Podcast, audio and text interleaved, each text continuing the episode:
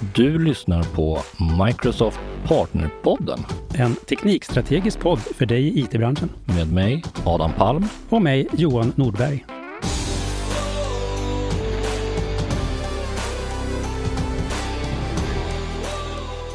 Sådär, hej och varmt välkomna tillbaka till ytterligare en episod av Partnerpodden. Som vanligt så hittar ni mig och Johan här i studion och idag har vi Jonas Helin. Right? Det stämmer bra. Eh, 20 år på Microsoft, är, jobbar idag på GitHub, var bland annat med och utvecklade XP och har massa spännande saker på sitt CV här. Eh, hej och varmt välkommen. Tack, tack. Kul att vara här. Du, eh, du har varit på GitHub sedan ett år ungefär. Eh, gick från Microsoft till GitHub. Hur kommer det sig att du bytte till, till GitHub? Ja, en anledning var faktiskt att jag, jag, jag var ju in, lite inom den här DevOps-arian även när jag jobbade på Microsoft um, um, i Sverige. Ehm, så jobbade jag inom det här området och hjälpte kunder en del. Och sen så när jag såg lite, tittade på deras pipeline, vad som var på gång, så blev jag väldigt entusiastisk och tänkte att det här är ju ett väldigt häftigt område att vara i. Och det är också väldigt häftiga produkter som är på gång. Så det tänkte jag, den, det vill jag gärna vara med om. Så um, det var därför jag sökte och eh, fick en roll och kunde byta. Ja.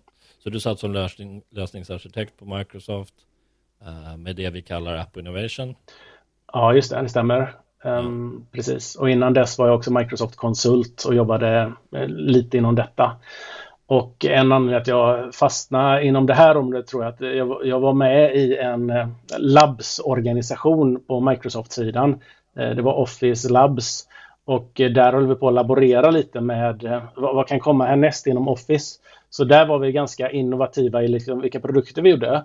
Men vi försökte också vara väldigt innovativa i hur vi körde våra utvecklingsprocesser. Eh, så, så vi labbade väldigt mycket med vilka DevOps-processer funkar för oss och hur ska vi tänka när vi utvecklar mjukvara. Så ehm, ja, jag tror att det var därför lite jag fastnade inom det här, eller fastnade och fastnade. Jag tyckte det var ett spännande område som jag gärna var med och tänkte och prata lite om. Så det var väl där det startade för mig. Och du, för den som inte vet, lite kortfattat, vad är GitHub och varför har GitHub och Microsoft en signifikativ betydelse för varandra nu för tiden? Just det. Eh, ja, GitHub är ju en utvecklingsplattform kan man säga som täcker in mycket av vad utvecklarna behöver, eh, ett utvecklingsteam behöver kunna göra. Så om man backar 5-6 år så är ju GitHub känt för att kunna hantera källkod och eh, ja, ja, ja, källkod egentligen, eh, öppen repo. Så väldigt mycket av världens eh, eh, open source ligger i GitHub och det är väl där vi är absolut mest kända. Men det som har hänt de senaste åren, sen, särskilt sen Microsoft tog över GitHub, det är att vi har breddat oss, eller breddat produkten. Så nu är vi egentligen en fullfjädrad utvecklingsplattform där man kan köra sin planering och köra sina, sin CI-CD. Eh, ja, vi har ju väldigt eh, roliga produkter inom eh, AI-utveckling eh, och, och stöd för utvecklare som vill skriva kod med AI-stöd. Så, så nu är vi egentligen en full plattform och eh, det som förvirrar många eh, det är ju att Microsoft har ju även Azure DevOps. Så man kan säga att vi har två produkter som, som är inom samma område.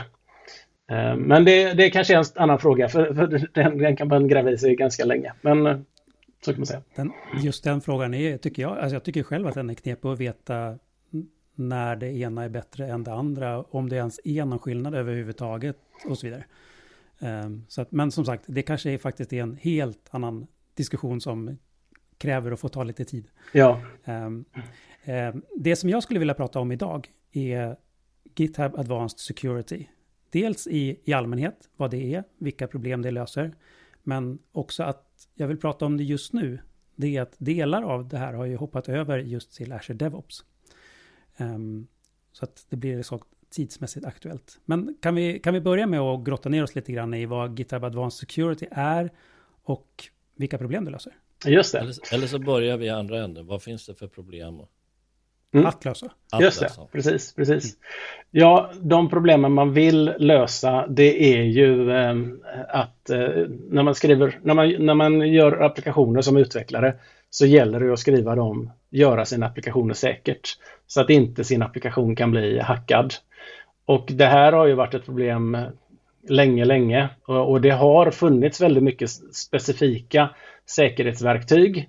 Um, och industrin har varit lite så innan att det har funnits ett utvecklingsteam och sen efter det har det ofta suttit ett säkerhetsteam. Ehm, som, som, precis som innan DevOps, att det fanns ett utvecklingsteam som skeppade över till operationsteamet, operationsteamet, som började drifta det.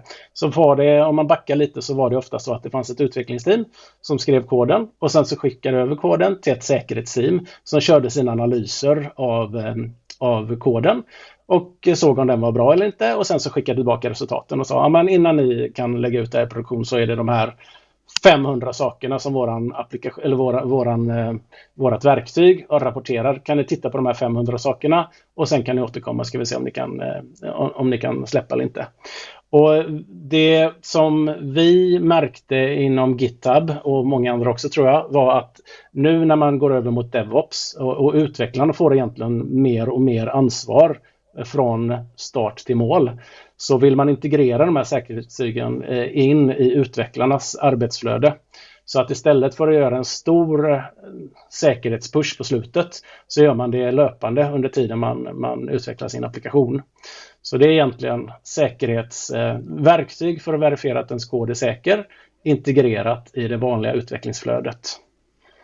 Är det här vad man brukar se termen Shift Left. Ja, precis. Exakt. Mm.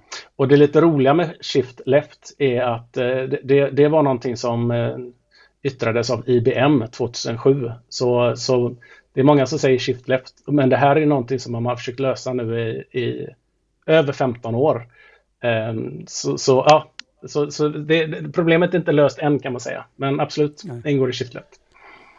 Jag får också intrycket av att, att uh, hackers har gått lite grann bet på att ge sig på användare nu när tvåfaktorsautentisering är så bra så att man börjar ge sig på byggprocesser i, som bygger verktygen istället. Inte minst kanske de här gigantiska open source-projekten att kan man få in en bakdörr eller något otrevligt i dem så har man plötsligt en bakdörr i enormt mycket programvara på internet. Ja, absolut jag håller med. Det, det finns ett antal olika trender inom säkerhet och, och jag, i ärlighetens namn så är inte jag experten där.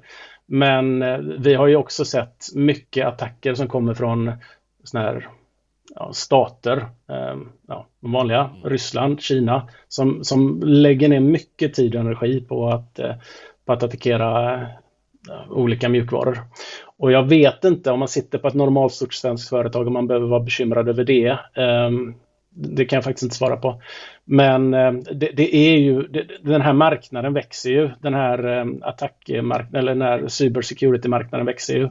Och när nu med de här AI-verktygen som kommer, de kommer ju tyvärr inte enbart till utvecklingsteamen utan det kommer till de här hackerteamen också. Så de kommer ju kunna arbeta mycket mer effektivt också nu, tyvärr. Så, så det här är någonting som blir bara viktigare och viktigare att eh, se till att man har ja, säkrat upp sin kod. Vad, vad är det för eh, som delprodukter som ingår i GitHub Advanced Security kring hur man hanterar både sin källkod och sina pipelines och Git, GitHub Actions-flöden och sånt? Ja, precis. Vi har ju fått göra ett val i vilka verktyg tycker vi är eh, är grunduppsättning för att se till att man kan skriva sin, sin kod säkert. Och då har vi valt tre stycken områden. Det ena är eh, secrets, um, secret scanning. Så det innebär att eh, om jag som utvecklare sitter och skriver kod så vill jag vara säker på att ingen av mina nycklar hamnar i min källkod. Och anledningen till det är att Eh, Eh, om man tänker på eh, hur en, eh, en attack kan gå till mot ett företag så kan det vara så att, och ofta är det så att en, en, en attacker ehm, får tillträde till någonting och sen så försöker han expandera och få tillträde till mer och mer och mer. Så låt oss säga att en attacker får access till ett utvecklarkonto. Då kan, de, då kan han komma till då kan han eh, göra massa saker på eh, utvecklarens dator och förmodligen kan han också komma åt koden.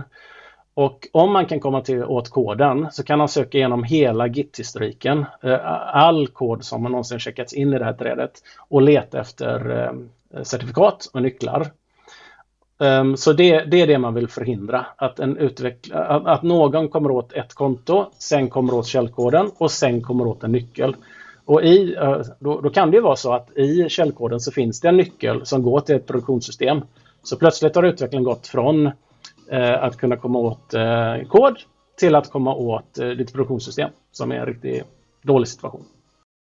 Nästa är dependency scanning och det är egentligen för att se till att när jag skriver, min ut, när jag skriver mina applikationer se till att jag använder den bästa möjliga versionen av tredjeparts eh, bibliotek. Eh, ja, I princip alla större utvecklingsprojekt använder naturligtvis eh, open source-bibliotek. Eh, och då gäller det att se till att de här är säkra. Och precis som du sa Johan, det, det finns ju också situationer där de som äger de här utvecklingspaketen vill, vill, vill utnyttja det och, och göra en attack. Men det, det, som är ännu mer vanligt det är att det finns ett misstag, eh, att det finns kodproblem. Precis som Log4j, att plötsligt inser man att jösses, här är ett fel som, som ingen har tänkt på innan. Det ger ju en möjlighet att attackera all mjukvara som använder det här biblioteket. Och så, så är det någon som lägger upp en, eh, en advisory som säger att det här är en farlig mjukvara eller version av det här eh, biblioteket. Så nu bör ni uppgradera. Så det var dependencies. Och sista. Ja, den, där, ja. den där biten har jag faktiskt sett själv även på ett personligt GitHub-konto att man kan aktivera att GitHub själv skapar pull requests för att se till att man använder korrekt version av ett bibliotek med en möjlig sårbarhet. Ja, det är ju supersmidigt. Ja, absolut. Ja, och, och, som jag nämnde i början, det är, GitHub är ju liksom, det är en väldigt stor del av världens uh, käll, öppen källkod som ligger på GitHub. Och, um, och, och, vi ser det som ett ansvar att se till att den kan vara säker. Så vi bjuder på de här säkerhetsverktygen för all open source och alla open source-bibliotek. Och en av de sakerna är dependency scanning. Eh, och har man det påslaget så, så, så dyker det upp och säger, ja, då, eh, Dependabot heter det. Då dyker den upp och säger, finns en ny version, eh, jag har föreslagit en pull request här, ta titta lite på den och klicka OK om du tror på detta. Och även kunna, kunna visa hur allvarlig den sårbarheten ja. är. Det är allt från liksom low till verkligen severe. Ja. Man får prioritera lite. Ja, exakt. Och ytterligare en fördel är att eh, säga att du, vi, vi föreslår att du ska uppgradera från en version till en annan. Eh, I och med att vi har så himla mycket projekt på GitHub så kan vi ta statistik på detta. Kan vi säga att vi, vi har sett 10 000 andra projekt som har uppgraderat mellan de här två versionerna. Och det har gått bra utan byggproblem i 99,2 procent av fallen eller i 85 procent av fallen. Så kan du själv avgöra att ja, men det här eh, baserat på den statistiken så låter det här väldigt säkert. Aha, alltså det är där den siffran, jag alltid undrar var den där siffran kommer ifrån med så här, hur, hur kompatibelt det är. Um, Okej, okay, så det är mer än uh, hur det har gått för andra än någon slags jag, kontroll av koden i sig. Mm. Liksom. Ja, precis. Ja, det var ju kul att få lära sig, lära sig det. Mm.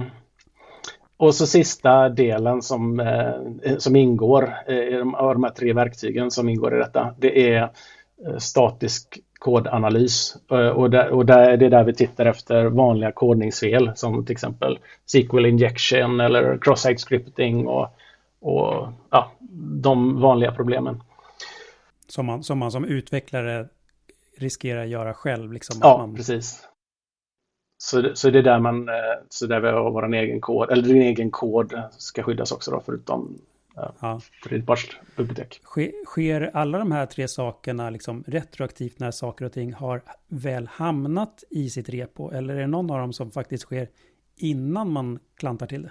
Ja, eh, jag tycker vi har, där har vi egentligen kommit längre på GitHub-sidan än på, så, så, som du nämnde har vi börjat eh, föra över detta till Azure DevOps också. Men på GitHub-sidan har vi en väldigt bra story där. Eller där så, så om man tittar på säkerhet, eh, om man tittar på om, om en utvecklare är på väg att checka in en, en nyckel eh, eller en access token eller någonting så kan vi blocka det innan det ens når servern, innan det ens når git-historiken. Och det innebär att man som utvecklare inte behöver vara orolig för att detta är läckt. För det är ingenting som har sparats någonstans. Du har haft det på din dator. Du har försökt trycka upp det på servern men det kom aldrig dit. Så om du rensar din kod och skriver om detta och lägger det i keyvolt istället så är det ingenting som du behöver vara orolig för. Så där blockar vi tidigt så att du slipper göra misstaget från första början. Ehm, eh, samma sak med eh, dependencies eh, och även ehm, statisk kodanalys. Det är samma sak där. Att eh, en del av en pull request brukar man ofta, man kan ju sätta upp det här hur man vill, men ofta sätter man upp det här så att det är en scan som går som en del av en pull request. Och innan man godkänner den så kollar man efter de här två sakerna. Inför vi några nya mm, säkerhetsproblem vad det gäller tredjepartsbibliotek bibliotek eller ny kod som är osäker. Och sen så kommer det upp som en varning, mm, till och med med en annotering. Titta här, eh, i den här filen på den här raden eh, inför du någonting eh, ja, som inte är bra. Och så, och så får du göra om din kod. Så du slipper få in det i, eh, ja, i mainbranschen om det är så du jobbar. Mm. Är, det, är det bara i betalplanerna av GitHub som man faktiskt kan göra så att en pull request absolut inte går att mergea om man har problem med någon av de här checkarna? Eller kan man göra det i den privata planerna också? Uh, du, menar för GitHub om man... Um... ja, ja, men just det som du var inne på att om man gör en pull request så mm. har man en check som mm. gör någon kontroll av någonting. Mm. Um, för, för min privata plan så lyckas jag ändå alltid mergea den där. För ja, just det. Jag, ja, så att där behöver jag öppna plånboken för att förhindra mig själv jag vet från att tusan, göra dumma saker. Jag vet inte tusan om vi ens har det i betalversionen. Vi, vi från GitHub, man, det är också lite intressant när man jämför GitHub och Azure DevOps. GitHub kommer helt klart från utvecklarcommunityn och, och är väldigt starka inom ut, ut, utvecklarcommunityn. Azure DevOps upplever jag är lite mer corporate och kommer lite från liksom vad, behö, vad vill en stor enterprise-organisation Eh, med en central policyorganisation eh, ha. Och vi är mycket mer, eh, GitHub är lite mer från utvecklarsidan. Eh, så, så vi är väldigt lite för att blocka utvecklare eh, när de vill göra någonting, utan det är väldigt mycket trust, trust but verify. Så vill du mercha någonting som misslyckas, då får du det. Och så får du, så blir det väl någon eh, audit-logg någonstans, eller, eller, så spricker koden. Men, men vi vill inte sätta block eller käppar i hjulen för mycket. Så, så GitHub, GitHub är frihet under ansvar och Azure DevOps är frihet är bra men kontroll är bättre? Ja, lite så.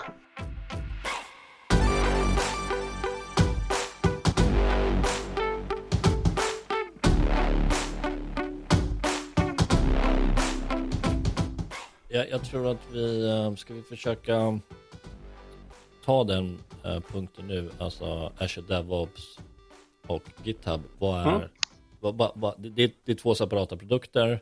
Mm. Uh, trots att GitHub idag är en del av Microsoft så finns det någonting som heter Azure DevOps. Det finns något som heter GitHub med ungefär samma ambitioner men två ganska olika produkter. Ja, jag skulle inte vilja påstå att de har samma ambitioner. Om man tittar på vision Eh, och så. Eh, däremot täcker de in mycket av samma funktionalitet. Ehm, sen, sen så har ju Microsoft, naturligtvis var det så att när Microsoft köpte GitHub så var det många frågor som var, var tusen, varför, varför behöver man två verktyg som är så himla lika varandra? Och då har ju Microsoft eh, förtydligat det. Um, och um, ja, och, och, och, det vi säger är att Azure DevOps är en superbra plattform. Den har funnits i, eh, sedan 2005, eh, var det åtminstone någon version som fanns. Så den är väldigt välutvecklad. Eh, GitHub matchar lite bättre ett nyare sätt att, att, jobba. Så det vi brukar säga är att först, först tittar vi på våra kunders krav. Om våra kunders krav uppfylls både av Azure DevOps och GitHub så rekommenderar vi GitHub. För på GitHub-sidan lägger vi lite mer eh, energi på nyutveckling. Ja, för jag tänkte så här, ja precis, för tidigt så tyckte man många pratade om att ja, men DevOps det är lite mer så enterprise-vänligt, men mm. det stämmer ju inte riktigt längre, för det känns som att även GitHub har blivit väldigt mycket för enterprise nu också. Både cloud och eh, man kan installera programvaran lokalt on-prem om man vill. Ja, precis. Mm. Ja, ja, så är det. Så det blir svårare och svårare att välja kan jag tycka. Eller Ja. jag hade nog alltid valt GitHub tror jag, bara av gammal vana. Ja, precis. Och, och eh, det, det, de som, om det kommer en ny kund och tittar på bägge de här två eh, alternativen så tror jag GitHub ofta matchar deras eh, behov. Eh, En sak att vara medveten om är att om man väljer cloud-versionen så, så kommer cloud-versionen hostas i USA. Så det, det är några som fortfarande är oroliga för det. Eh, Och då har Azure DevOps en, eh, eh, ja, då, då kan man hosta den i, i Europa.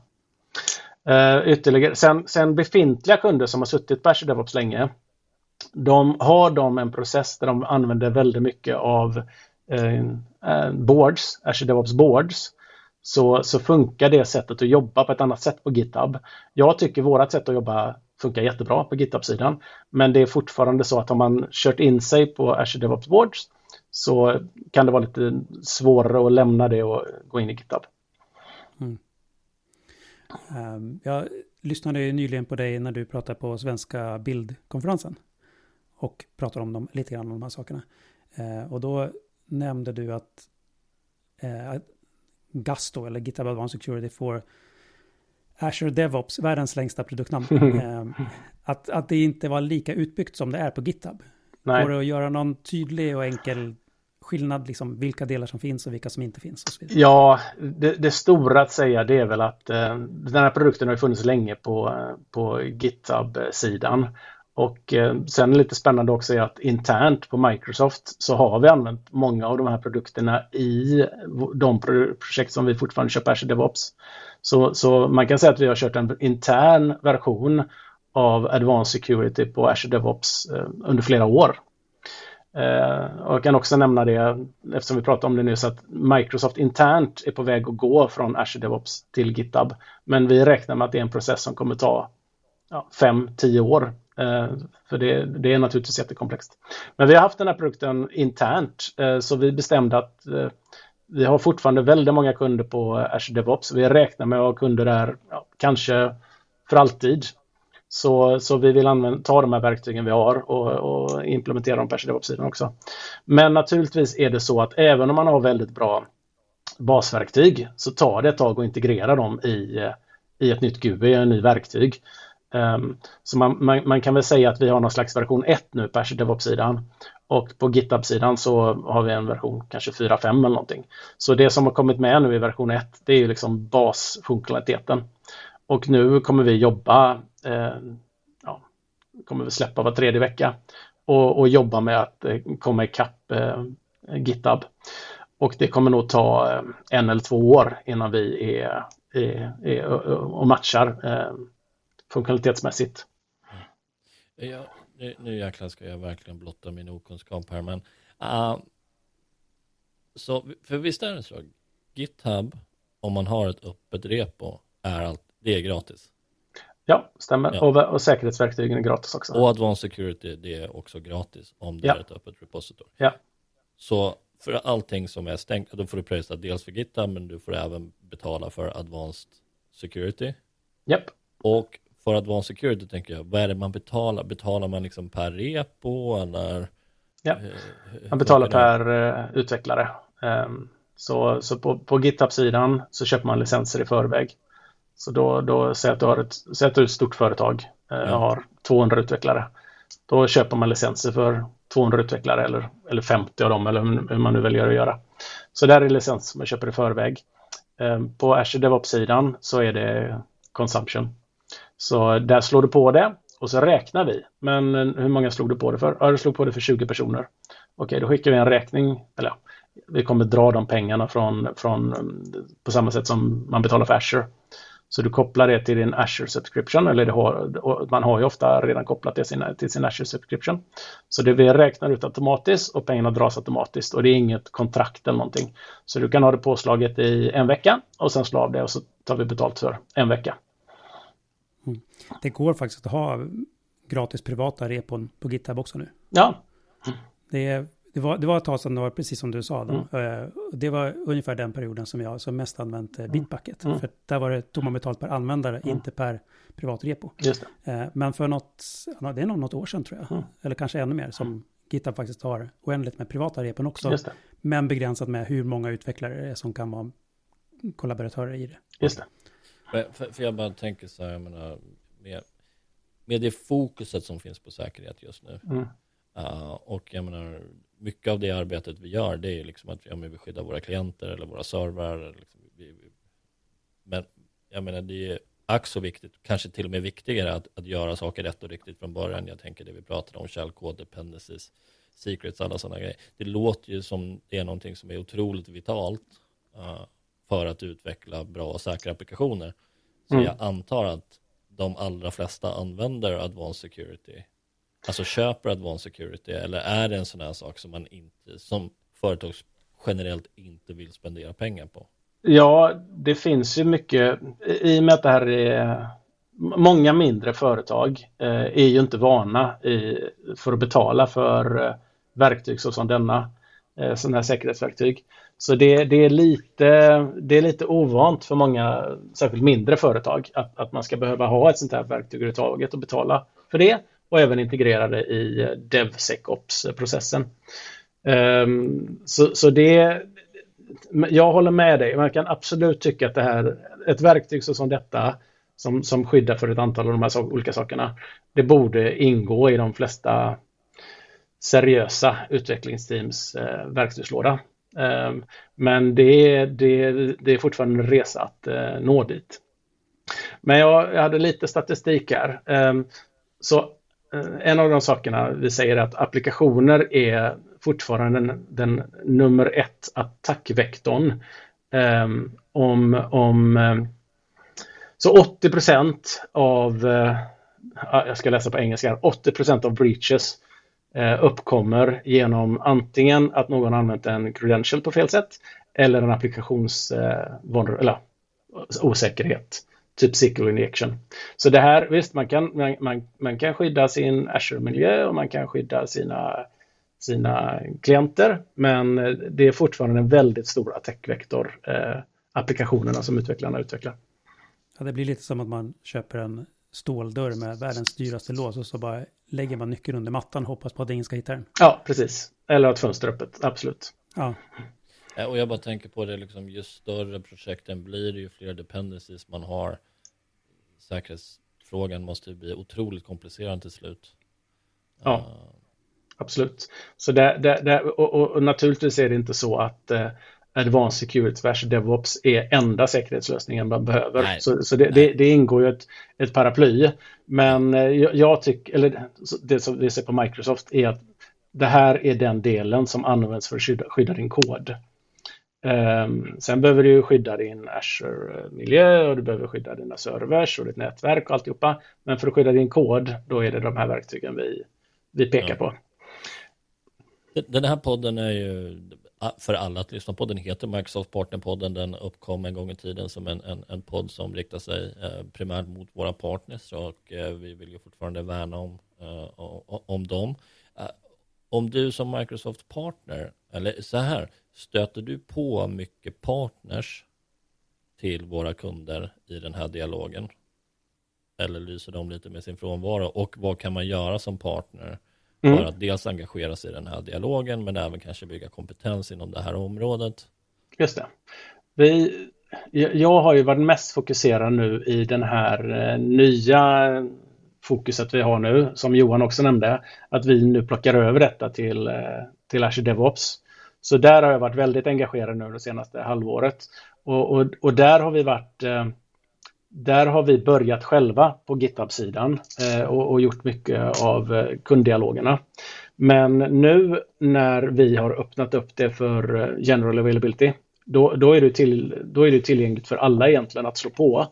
Och det vi märker att kunderna behöver hjälp med. Först, först brukar det vara en dialog med något centralt team som säger är det här verktyget för oss eller inte? Ja eller nej? Och förhoppningsvis säger de ja då. Eh, och, de, och de dialogerna där, då, då, då har, har, jag tyckt det varit väldigt bra att ha med mig en, en, en kille som är riktigt duktig på säkerhet eller någon som är riktigt duktig på säkerhet. Ja. Så det är första dialogen. Sen, sen är det bara när man har sålt in idén till ett centralt team.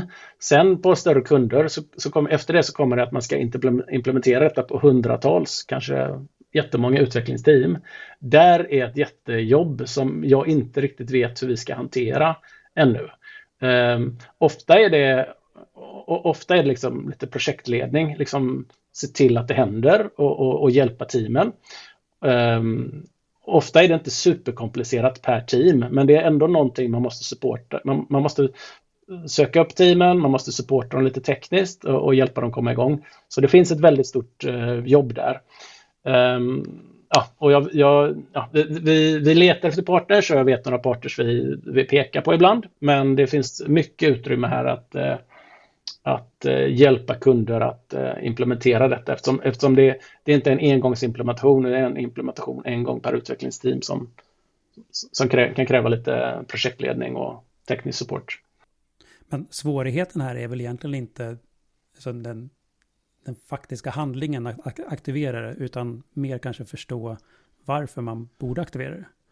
Ja, absolut. Varför ja, man behöver för, det. Och... För att själva gränssnittet i sig är väl, alltså nästan så jag inte ens överdriver, en kryssruta. Ja, man börjar ju, det man får gratis med en kryssruta det är säkerhetsscanning. Sen måste man in i pipelines eh, och lägga till för kodscanning och dependency scanning. Det är inte super, eller i bästa fall så är det en femminutersprocess.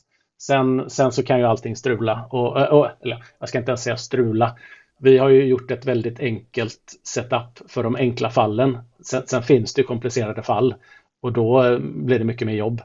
Um, men, men, men, absolut så finns det en dialog i liksom, eh, hur ska vi eh, sätta upp våra processer och hur ska vi jobba med detta och ska vi, ska vi ens tillåta att släppa en ny version om vi har de här problemen och hur ska vi jobba?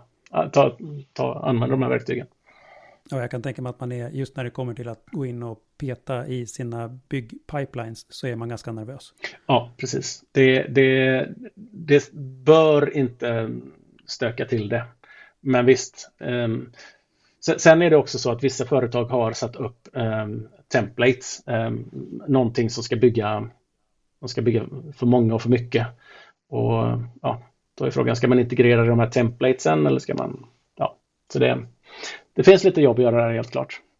Mm. Du, hur, eh, hur lär man sig mer av de här prylarna? Jag har sett att det finns åtminstone tre GitHub-certifieringar, varav en handlar om security. Ja, precis. Um, det stämmer bra det. Um, och de är ju för partners de tre. Ja. Så att, går, det, går det liksom att tänka att det är någon speciell roll som borde ta de här eller borde...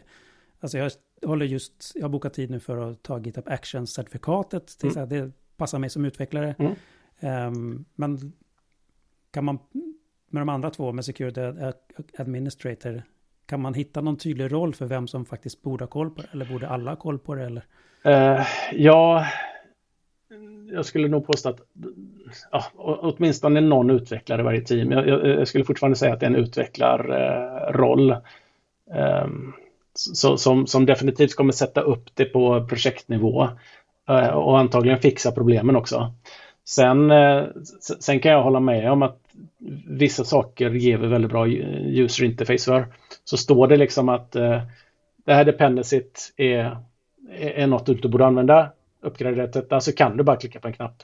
Så frågan är, ja, behöver man gräva djupare än så eller är man nöjd med den rekommendationen och följer man den rekommendationen? Um, och, och, och, sen så eh, naturligtvis om man sitter på en mer central nivå och ska bestämma eller tänka ut hur företaget eh, jobbar, då är det väl också väldigt bra att kunna prata om detta och tänka på detta och förstå hur vi jobbar jämfört med våra konkurrenter. Det är också en fråga som ofta kommer upp. Eh, vissa företag har ju existerande säkerhetslösningar. Antingen av de former som jag pratade om tidigt, att att det är ett säkerhetsverktyg som kommer i slutet när utvecklaren har lämnat över sin kod. Så, så är det ett, eller, så är det utvecklings, eller så är det verktyg som, där man har försökt integrera dem på ett okej okay sätt i utvecklarnas flöde.